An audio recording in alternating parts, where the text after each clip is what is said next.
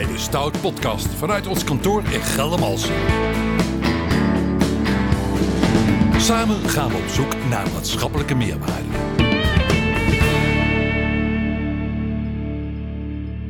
Dag allemaal, we zijn weer bij de Stoutgroep podcast vanuit de studio in Geldermalsen. Een interessant onderwerp mag ik wel zeggen, Ralf Buutner, mijn tafelheer weer vanmiddag, toch? Absoluut, we gaan afvallen. Ja, afval, afvalverwerking Ja. en circulariteit. We hebben aan tafel Bart de Bruin, directeur van de DAR. En Walter Brouwer werkt bij de Stoutgroep en namens de Stoutgroep aan de slag als directeur bij de AVRI. En jullie weten alles van afval, de ontwikkelingen van afval. Ik woon in Amsterdam en daar is het, mag ik eh, wel zeggen, eh, niet zo goed geregeld nog. Zeker in het centrum, er staan vuilniszakken buiten. Eh, ik zie ratten over straat lopen om maar met de deur in huis te vallen. Eh, eh, wat zijn de ontwikkelingen op dit moment in de afval? Laat ik met jou beginnen, Bart. Ja, waar, waar wil je beginnen, Jan? Ehm, Nou, laat ik het zo zeggen, wat, wat, is, wat is de DAR? Wat, Ja. wat doen jullie? dat is goed. Als daar zijn we een regionaal publiek bedrijf in de regio Nijmegen. Die actief is op het gebied van afvalinzameling en beheer openbare ruimte. Dus jullie regelen alles voor de gemeente? Wij regelen alles voor de zeven gemeenten in het Rijk van Nijmegen. Ja. Ja. En eh, daar proberen we zoveel mogelijk van afval weer een grondstof te maken. Althans, het gescheiden inzamelen en zorgen dat het op de juiste plekken terecht komt. Dat is onze taak. Ehm, en als je het hebt over waar zitten we in, in, de, in de transitie, zoals we om die term maar eens te gebruiken. Eh, daar hebben we toevallig net vorige week een nieuwe luierverwerkingscentrale in de regio geopend. Hè. En dat is wat ons betreft de laatste afvalstroom in het restafval waar we nog niks mee konden. Ja, ho, ho, ga eens even in detail. Een Ja. luier, eh, zeg het nog eens, een luier, verwerkingsinstallatie. Dus in het begin van je leven en aan het eind van je leven heb je luiers. luiers dan wel incontinentiemateriaal maar waarom nodig. is het zo speciaal? Nou, omdat voor ons de laatste afvalstroom was in het restafval waar we nog niks mee konden. Weet je, voor alle andere afvalstromen zoals voedsel, zoals plastic, zoals glas, bestaan allemaal recyclingsmogelijkheden. Dus moeten we alleen de inwoners nog zien te triggeren om het gescheiden in te leveren. Ehm, maar voor alle andere, behalve luiers, was er dus nog geen oplossing. En die is er nu. En daarmee hebben we wat mij betreft echt wel een mijlpaal vorige week gehaald met elkaar. Ik ben wel heel benieuwd wat er met die luiers dan gebeurt. Ja, ik ook. Waar dat in gerecycled wordt. In eh, uiteindelijk auto's bijvoorbeeld. Huh? In auto's. Autox. Auto's. Auto's. Ja. Nou, ik kijk aan, begrijp jij het of niet? Nee, precies. Ik zal het je uitleggen. waar die auto op rijdt. Ja, Dat, eh, nee, precies. Nee, wat er gebeurt is dat eh, het gaat zeg maar, in een grote stoomketel. Bij een collega-bedrijf overigens, Aren. Mhm. Eh, dat is niet bij onszelf, want wij doen geen verwerking. Eh daar gaat een grote stoomketel onder druk, hoge temperatuur, 250 graden, 40 bar. Daar wordt de luier en alles wat erin zit, et cetera, wordt uit elkaar getrokken. Ehm, zeg maar de slurry, zoals het dan heet, dat gaat naar de waterzuiveringsinstallatie. Daar halen ze nog biogas uit als energie. En de plastic slurry die overblijft, ehm, daar worden plastic korrels van gemaakt. Waar weer producten voor ja, de auto-industrie, eh verzinnen maar, worden gemaakt. Ongelooflijk, zo Ja. hoort het alweer wat, hè? Precies. gaaf. Toch hier? Ja, Ja. Ontzettend, ontzettend gaaf. Zijn jullie daar uniek in? Eh, in? In Nederland ook? Of, eh, Volgens mij is dit eh, de eerste in de wereld. serieus? Met dit concept. Wauw. Ja. ja. Ah, Met hoor. alle credits voor nogmaals Aren. Eh, want dat is het bedrijf Mhm. wat het eh, heeft gerealiseerd. Waar een aantal techneuten zitten samen met Willem Elzinga. Die eh, dat de afgelopen vijf, zes jaar hebben ontwikkeld. En, eh, ja, nogmaals, het is gewoon een fantastisch mijlpaal. eh. Ja. En, eh, Dat is Ja, wel bijzonder, want ik zag het berichtje op LinkedIn voorbij komen, maar eh, ehm, echt niet beseft hoe, eh, hoe, uniek, dat, hoe, hoe uniek dat is. Ja. Dat, is, dat is Ja. ook wel volgens mij de kunst van hoe, hoe laat je nou aan de wereld zien ehm, nou ja, met wat voor gave dingen je bezig bent. ja, ja. Ja, mooi. Ja. Leuk. Want wij hadden het erover, Ralf en ik, vo- voordat jullie kwamen. eh, stel ik ook aan Walter eh, de vraag, Walter Brouwer. Ehm, ik heb jullie, jullie ook jouw site gezien van de DAR. Nou, denk ik als, als, als inwoner van een gemeente, ik gooi alles gewoon in een afvalbak. Want de DAR regelt het wel en de AVRI regelt het wel. Dus ik hoef helemaal niet zo bewust met milieu en afval bezig te zijn. Eh, klopt dat? Eh, nee. Nee, dacht ik al. nee. Maar snap je mijn gedachtegang? Ja, ik snap het wel. Maar nou, ik vind het wel mooi dat gelukkig steeds meer inwoners ook wel doorhebben dat zeg maar, eh, doorgaan op de weg zoals we gaan, dat dat niet meer kan. Om meerdere redenen. Gelukkig ook dat steeds meer mensen beseffen dat we deze aardbol netjes moeten overdragen aan onze kindskinderen enzovoort. Eh, maar ook vanwege de portemonnee. Hè. Het wordt eh, gewoon steeds duurder als je alles maar bij het restafval blijft gooien. Dus je kan het wel doen, maar je kunt beter zelf het uitsorteren. Dan heb je het restafval waar je nog steeds voor moet betalen. Maar al die grondstoffen die worden ingezameld door die inzamelaars, die krijgen er geld voor. En dat wordt dan in ieder geval nog even gemiddeld met elkaar. Dus dan hou je ook eh, voor jezelf eh, nou, de kosten nog een beetje beheersbaar. Maar kunnen jullie het beeld voorstellen, wat ik nog best wel heb, ik weet niet hoe dat met Ralf is, Van dat je die, die enorme vrachtwagens ziet weggaan met, met al dat afval. denk ik van nou, bij zo'n, bij zo'n afvalbedrijf gaan ze alles wel eruit halen. En daar wordt het dus wel gesplitst. Maar dat is dus niet zo. Ja, dan kom je een beetje in de bron-nascheidingsdiscussie. Ja. Ehm, ja, daar kunnen we nog vijf uur over doorpraten wat mij betreft. Maar Nee, maar kom maar tot in de, de kern. basis, weet je, in de, in, de, ke- in de kern gaat het erom dat je voldoende kwaliteit moet hebben om in de volgende stappen van de keten er weer een waardevolle grondstof van te maken. En in mijn optiek is de naschijnstechniek nog niet zo ver ontwikkeld eh, dat dat kan. Eh, dus op dit moment gebeurt het eigenlijk ook alleen maar voor plastic hè, dat het eh, gebeurt en voor metalen dan met magneten. Maar voor alle andere afvalstromen ehm, en papierverwerken zit echt niet te wachten op papier wat bij het restafval heeft gezeten. Daar kunnen ze gewoon niks mee. Dus daarom is aan de bron gescheiden materiaal gewoon cruciaal om naar, nou ja, om die term te gebruiken, de circulaire economie te komen. En die is al lastig genoeg namelijk. Dus en dat begint met de goede kwaliteit. En dat klinkt misschien raar, maar je, je hebt gewoon verschillende kwaliteit van afval. En je hebt een goede, goede kwaliteit van afval nodig om de volgende partijen in de gelegenheid te stellen in de keten om er weer een nieuwe grondstof van te maken, zodat er uiteindelijk weer een nieuw product van gemaakt kan worden en het weer geconsumeerd kan worden. Dat, dat lijkt me best wel. ehm, kijken of ik het goed uitleg hoor, en of ik je dan, of ik je dan goed begrijp. Maar ehm, je hebt het over die kwaliteit van die afval. Ja. Tegelijkertijd probeer je natuurlijk eh, ook, kan ik me voorstellen, eh, afval die van mindere kwaliteit is, probeer je zeg maar de techniek eh, ehm, verder te laten gaan, zodat je ook daar iets mee kan. Tegelijkertijd, als je dat voor elkaar krijgt, is het een noodzaak om aan de voorkant eh, voor inwoners om gedrag te veranderen. Eh, die wordt ook steeds kleiner. Dus ik kan me ook voorstellen dat je op een gegeven moment zegt: van, ja, we moeten die, die techniek misschien niet verder ontwikkelen, zodat het gedrag aan de voorkant wel blijft veranderen. Ik weet niet, hoe kijk jij daarnaar, Walter? Nou ja, kijk, het, het hoofddoel waarom wij het leven zijn geroepen is natuurlijk toch om uiteindelijk die, die doelen te halen, om uiteindelijk naar die circulaire economie te komen en naar een afvalloze samenleving. Dat is je doel. Ja. En wij hebben daar, eh, dat geldt zowel voor DAR als voor AVRI, en wij beiden worden gevraagd, kunnen jullie dat voor ons inzamelen en zoveel mogelijk gesorteerd aanbieden, zodat we zo schoon mogelijk grondstoffen hebben? Nou, dat kunnen we doen. Dan zeggen we, dat kost natuurlijk wat om met al die wagens rond te rijden en al die mensen dat te doen. Maar dat is het dan ook. Dus dit kost dit. Ja. En eigenlijk zijn twee verschillende dingen. Het ene is hoe eh, realiseer je je milieudoelen. En dat betekent dat we met elkaar ons bewust moeten zijn dat we al die grondstoffen zo schoon mogelijk moeten weer in, moet, in moeten zamelen. En aan de andere kant dat we ook de kosten een beetje willen beheersen. Door te kijken hoe kunnen we het ook zo efficiënt en zo slim mogelijk doen. Nou, en dan eigenlijk is van alle stromen die wij inzamelen, is onze truc natuurlijk om te kijken, dat helpt namelijk en het milieu en die portemonnee, om dat restafval, om die stroom zo klein mogelijk te krijgen. Vandaar dat we ook met z'n allen, ook eh Rivierenland, want die doen ook mee met de ARN uh, luier inzamelinstallatie, dat we weer een stroom uit die restafval hebben. Want hoe kleiner die stroom is, ja, dat is uiteindelijk waar we niks mee kunnen. En dat verbranden we, daar halen we er gelukkig nog wat energie uit, maar dat is het ook. Maar al die andere dingen, daar kunnen we dus weer mooie dingen van maken. Zoals Bart net uitlegt, dat je van die plastic kolken weer dashboards maken voor in auto's bijvoorbeeld. Dus... Maar, al die dingen die jij nu vertelt, die weet ik niet. Nee. Ik, nee. ik, ik ben me dus niet bewust van hoe belangrijk het is om zo weinig mogelijk restafval ja. te krijgen. Is, is dat het issue van vandaag de dag mm. waar jullie aan moeten werken? Aan die beeldvorming, aan die educatie naar, naar de inwoners van de gemeentes ook waar jullie werken? Nou, ik denk dat heel of hoort dat niet bij jullie ja, taak? Ja, voor een deel wel. Uh, voor een deel heb je de problematiek dat gemeenten, of inwoners natuurlijk al zo ontzettend veel informatie over zich heen krijgen. Misschien te dat veel. Je, te veel, denk ik, maar niet alleen van ons, hè, maar van de hele maatschappij met social media, et cetera. Dus uh, ik geloof niet in dat je heel, tenminste heel veel tijd en energie uh, daarin moet gaan stoppen. Omdat uiteindelijk moet het een soort van geautomatiseerd gedrag worden bij burgers, dat ze het gewoon gaan doen, hè, van inwoners. En om een voorbeeld te geven, wij communiceren nooit over glas inzamelen. En toch wordt er in de regio gewoon 90% van het glas gescheiden ingezameld. Gewoonweg omdat dat gewoon in onze cultuur zit ingebakken. Dat doe je nou eenmaal. En in Amsterdam gebeurt dat denk ik ook gewoon mm-hmm. geautomatiseerd. Um, dus je moet daar... Um, weet je, ik geloof heilig dat je moet communiceren als mensen op zoek gaan naar informatie, dat je het moet kunnen bieden.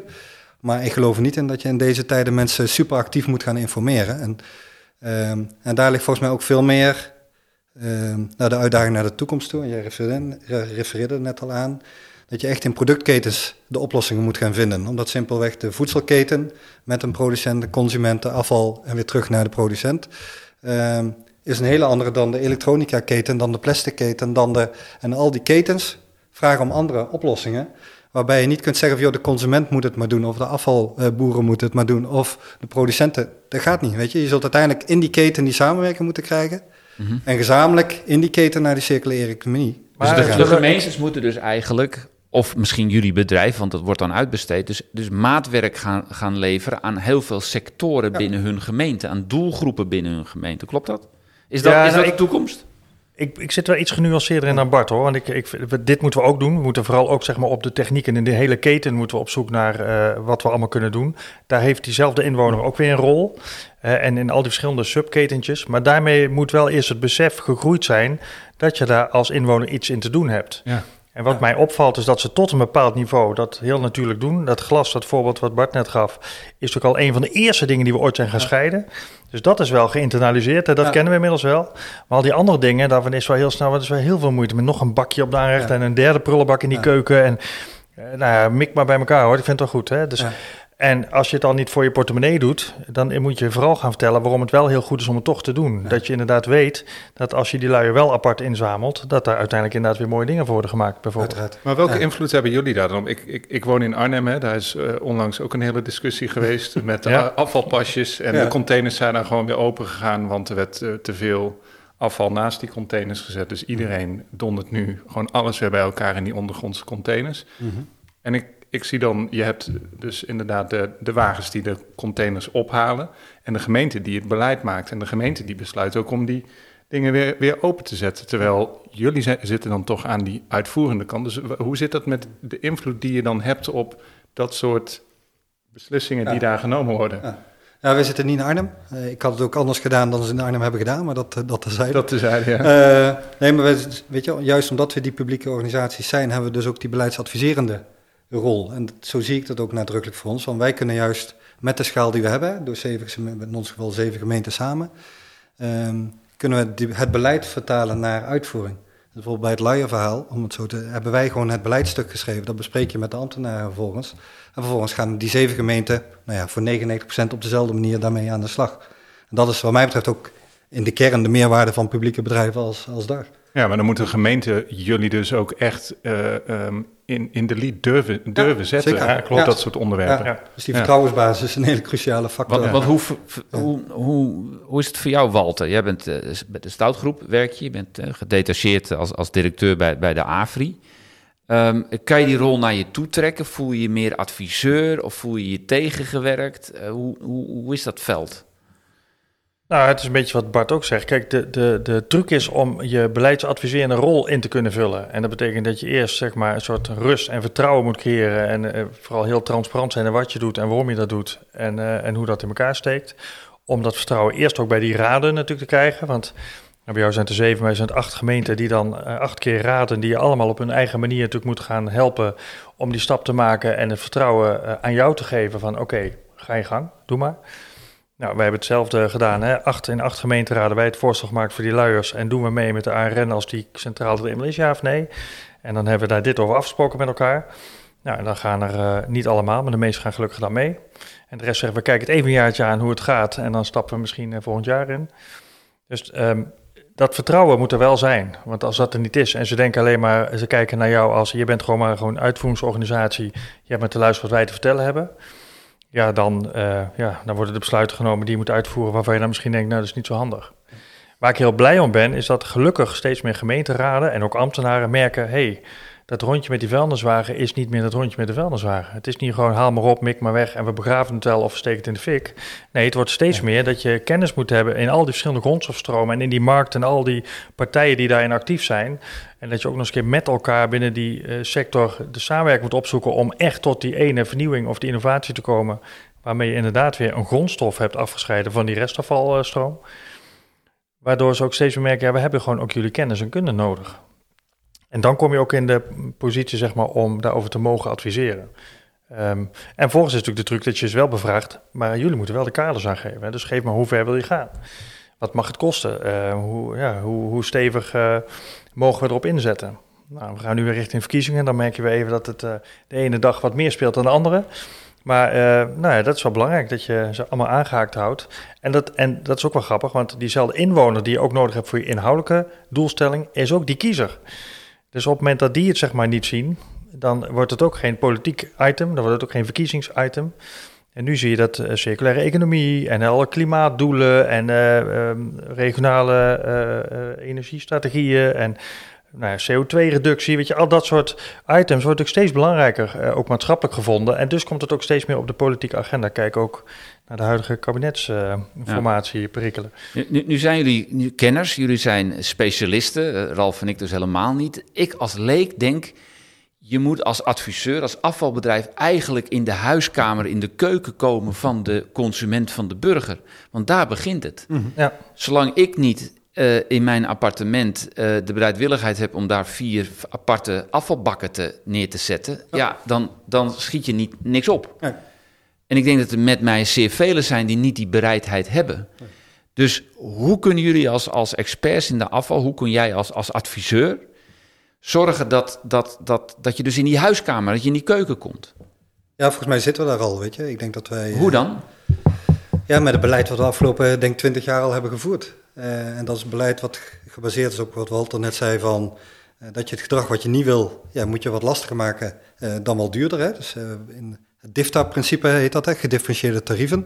Dus mensen moeten in onze regio betalen voor als ze een restafvalzak aanbieden... of het in Mhm. een ondergrond container doen. En alle te recyclen stromen zijn gratis. Dus als ze plastic aanbieden, papier, et cetera, dat mogen ze gewoon gratis doen. Dus dat helpt. Maar inmiddels weten we tussen de 80 en 90 procent van het afval van onze inwoners wordt gescheiden ingezameld en is gereed voor die recyclingskant. Dus, dus je moet de consument in de portemonnee raken.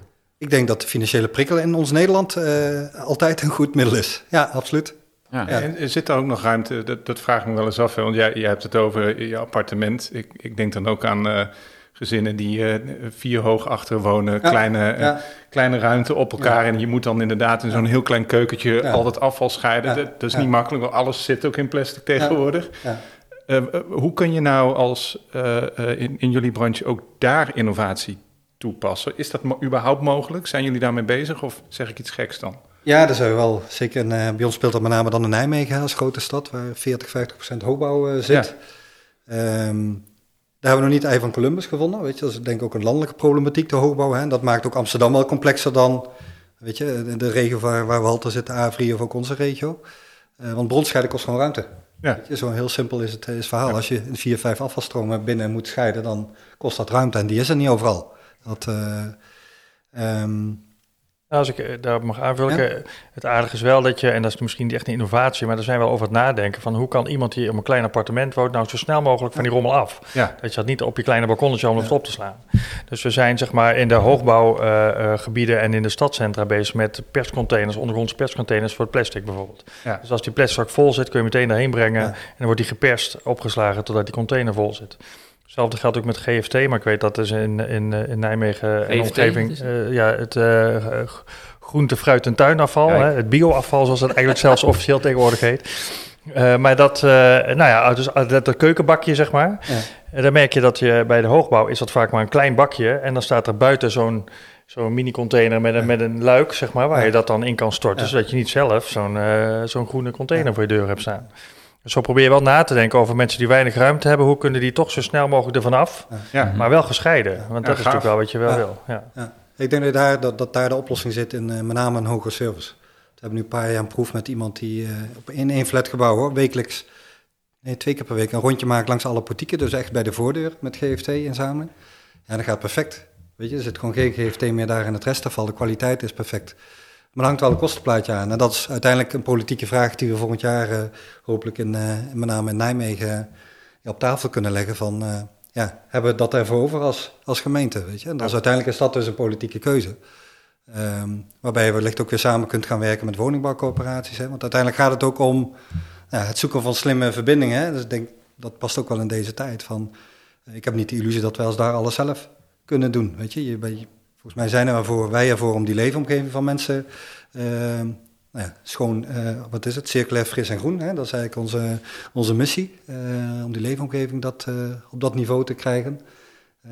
En dan moeten we wellicht ook veel meer gaan samen met woningbouwcoöperaties... die ook een plek in die leefomgeving hebben. En waar je eigenlijk nou nu wellicht ook dubbel werk aan het doen bent. Mhm. Ja, je zit, dat hoor ik eh, ook heel erg, dat je dus nog echt in de, in de fase zit dat het allemaal nog niet vanzelfsprekend is. Ook niet aan de kant van die gemeente die de opdrachtgever is, waar, waar je het eigenlijk wel van zou moeten mogen verwachten.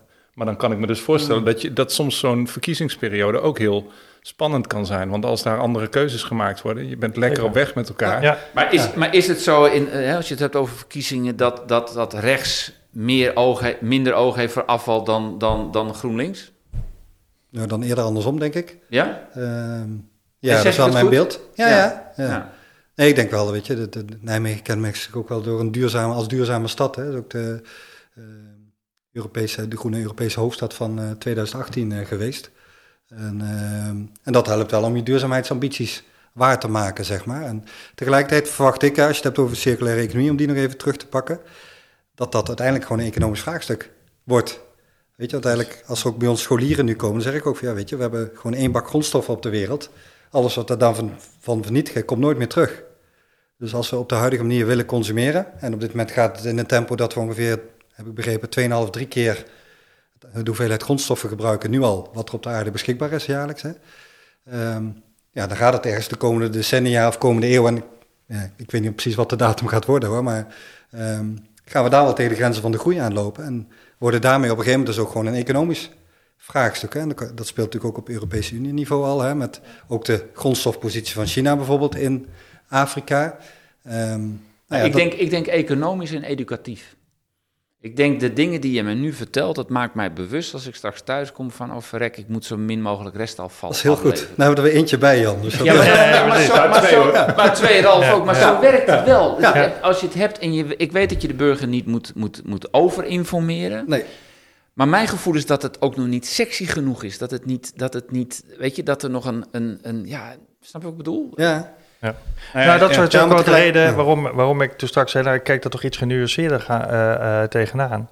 Dat je wel denkt, die inwoner heel goed moet betrekken. Wij zijn nu bezig om bijvoorbeeld een hele serie met eh, kleine, korte filmpjes en eh, animaties te maken, hoe je simpel kunt uitleggen wat er nou gebeurt als het eenmaal bij jou uit die bak achterin die vuilniswagen is verdwenen. Want dan, dat is meestal is dat de, de blinde vlekken voor de mensen die zeggen, nou, nou is het weg. Ja. En eh, zelfs als je, en, dat, en, en daar doet dat ook, hè, met eh, bijvoorbeeld met achterladers waar aan de ene kant het restafval en rechts je plastic, denk je, ja, het gaat allemaal in diezelfde wagen, dus wat zit ik hier nou mijn best te doen? Maar als je ze even laat zien, dan met een simpel filmpje of met een simpele animatie, wat er daarna allemaal gebeurt. Nou, zo proberen we met hele korte, hè, maximaal een minuut, liever nog korter, want het moet wel op social media gedeeld eh, kunnen worden, zodat mensen ook de aandacht blijven houden tot het eind. Waardoor je inderdaad hoopt met een beetje beeld, geluid, tekst. eh, een beetje à la happy activist, hè, die onder andere bijvoorbeeld met hele korte positieve berichtjes mensen laat zien. Oh, Ja. wacht even, doet het dat? Ja. Om toch ook die inwoners daarin mee te nemen. En dan moet je juist niet de techniek gaan uitleggen, want daar hebben we het heel lang in gezocht. Omdat we daar zelf mee bezig zijn. We moeten steeds kijken hoe kunnen we het nog innovatiever en slimmer doen. Dat, dat, moet- dat is, moet vooral onze opgave zijn. Maar daarna moeten we inderdaad zeggen, oké, hoe gaan we dit nou simpel uitleggen? En boegbeelden, denk ik, vinden die, die, die eh, het afval gewoon keurig scheiden. Toch? Zeker. Eh, eh, en, en, dat, en dat je dat ook kunt laten zien Ja. op sociale media. Ja, ik vind die zijn lastig, ja, omdat we, weet je, we scoren al hartstikke goed, hè, tussen die 80 en 90 procent. En volgens mij is het namelijk de volgende uitdaging, en daar zou ik mijn tijd en energie en geld liever in willen steken, is dat uiteindelijk juist de consument aan de voorkant, op het moment dat hij product koopt, weet je, daar moet volgens mij, is, is dat de volgende stap die nodig is. Hè? Dat producenten A, bewust worden van dat ze gerecycled materiaal moeten gebruiken.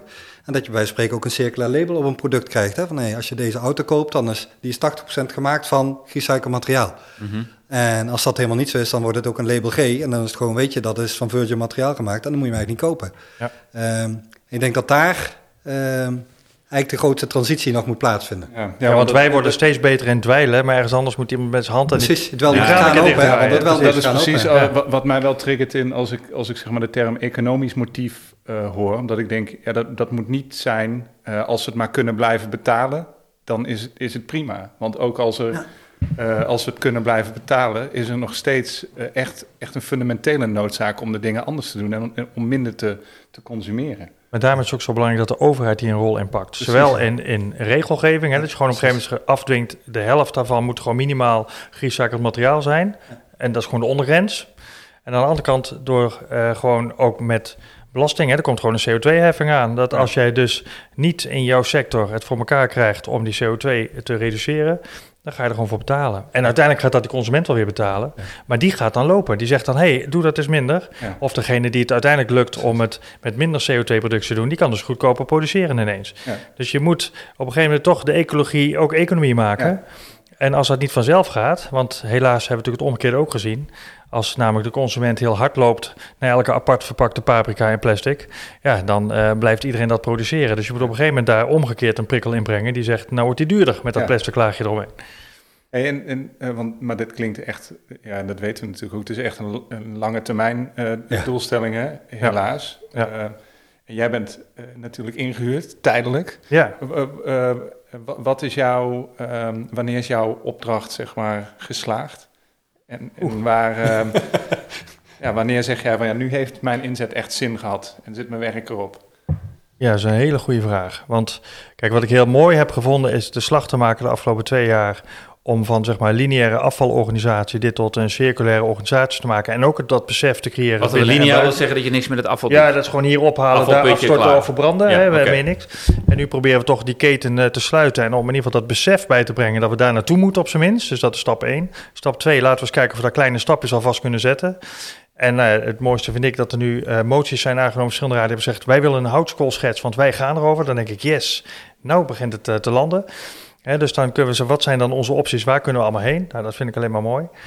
Ehm, maar eigenlijk, dus aan de ene kant als interim denk ik dan, nou, dit is mooi, hè? De nieuwe directeur die straks komt, die kun je dit meegeven en die kan, heeft een hele mooie start en het fundament staat. Tegelijkertijd denk je, ja, maar nu gaat het beginnen, weet je, dit Mhm. is wel de grote opgave. Ja. En die doet ertoe. En daar zijn wij ook van, hè? Mensen die van ruimte houden, zijn wij bij Stout. Dus wel onze eigen ruimte om het op onze eigen manier te mogen doen, maar ook inderdaad om, nou, omdat we liefde hebben voor die maatschappelijke meerwaarde, om te toevoegen. kijken van wat kunnen wij nou eh, aan meerwaarde hier toevoegen. Ja. Hoe is het voor jou, Bart? Als je het hebt over jezelf in deze functie, als je het hebt over jouw missie. Ja, in algemene zin vind ik dat een leidinggevende op aarde is om te zorgen dat de mensen aan wie die leiding geeft hun werk optimaal kunnen doen. Dus la- laten we daarmee beginnen. Maar als ik kijk naar dit vraagstuk, hè, dan uh, misschien wel aardig om te zeggen, dus ik, ik ben ook voorzitter van de Circulaire Raad in het Rijk van Nijmegen, waar we juist ja, een triple helix organisatie is dat dan, hè, met de Radboud Universiteit, met de Hogeschool Arnhem-Nijmegen, bedrijfsleven, de Rabobank, aannemerij, eh, producenten bij elkaar zitten om nou ja, stappen te zetten in die concrete eh, richting van de circulaire economie. En dan vind ik hem als taak voor mij als directeur om die verbindingen te leggen. Weet je, dat, dat je die verschillende werelden, en dat is best complex, want iedereen praat net een andere taal. Uh, denk vanuit een andere dimensie, uh, wordt anders gefinancierd, uh, willen we, ja, reken met andere terugverdientijden, verzin het maar, zeg maar. Om dat aan elkaar te verbinden en te zorgen dat je dus inderdaad concrete stappen kunt zetten. En ik zeg altijd, we gaan daar geen beleidsrapporten schrijven om heel, want niemand weet precies wat circulaire economie is hè, en waar die stip aan de horizon is. Ik zeg, joh, gewoon stap voor stap, gewoon elke grondstof, kilo grondstof die we kunnen besparen is er één. Uh, en of dat nou bij de Radboud gebeurt of bij ons of bij, weet je, dat maakt helemaal niet uit. Uh, want dan gaat in ieder geval die kern groeien, weet je. En ook uh, ja, zowel de Radboud Universiteit als ook de Hogeschool Arnhem-Nijmegen samen met ROC hebben nu ook een leerlijn circulaire economie met elkaar.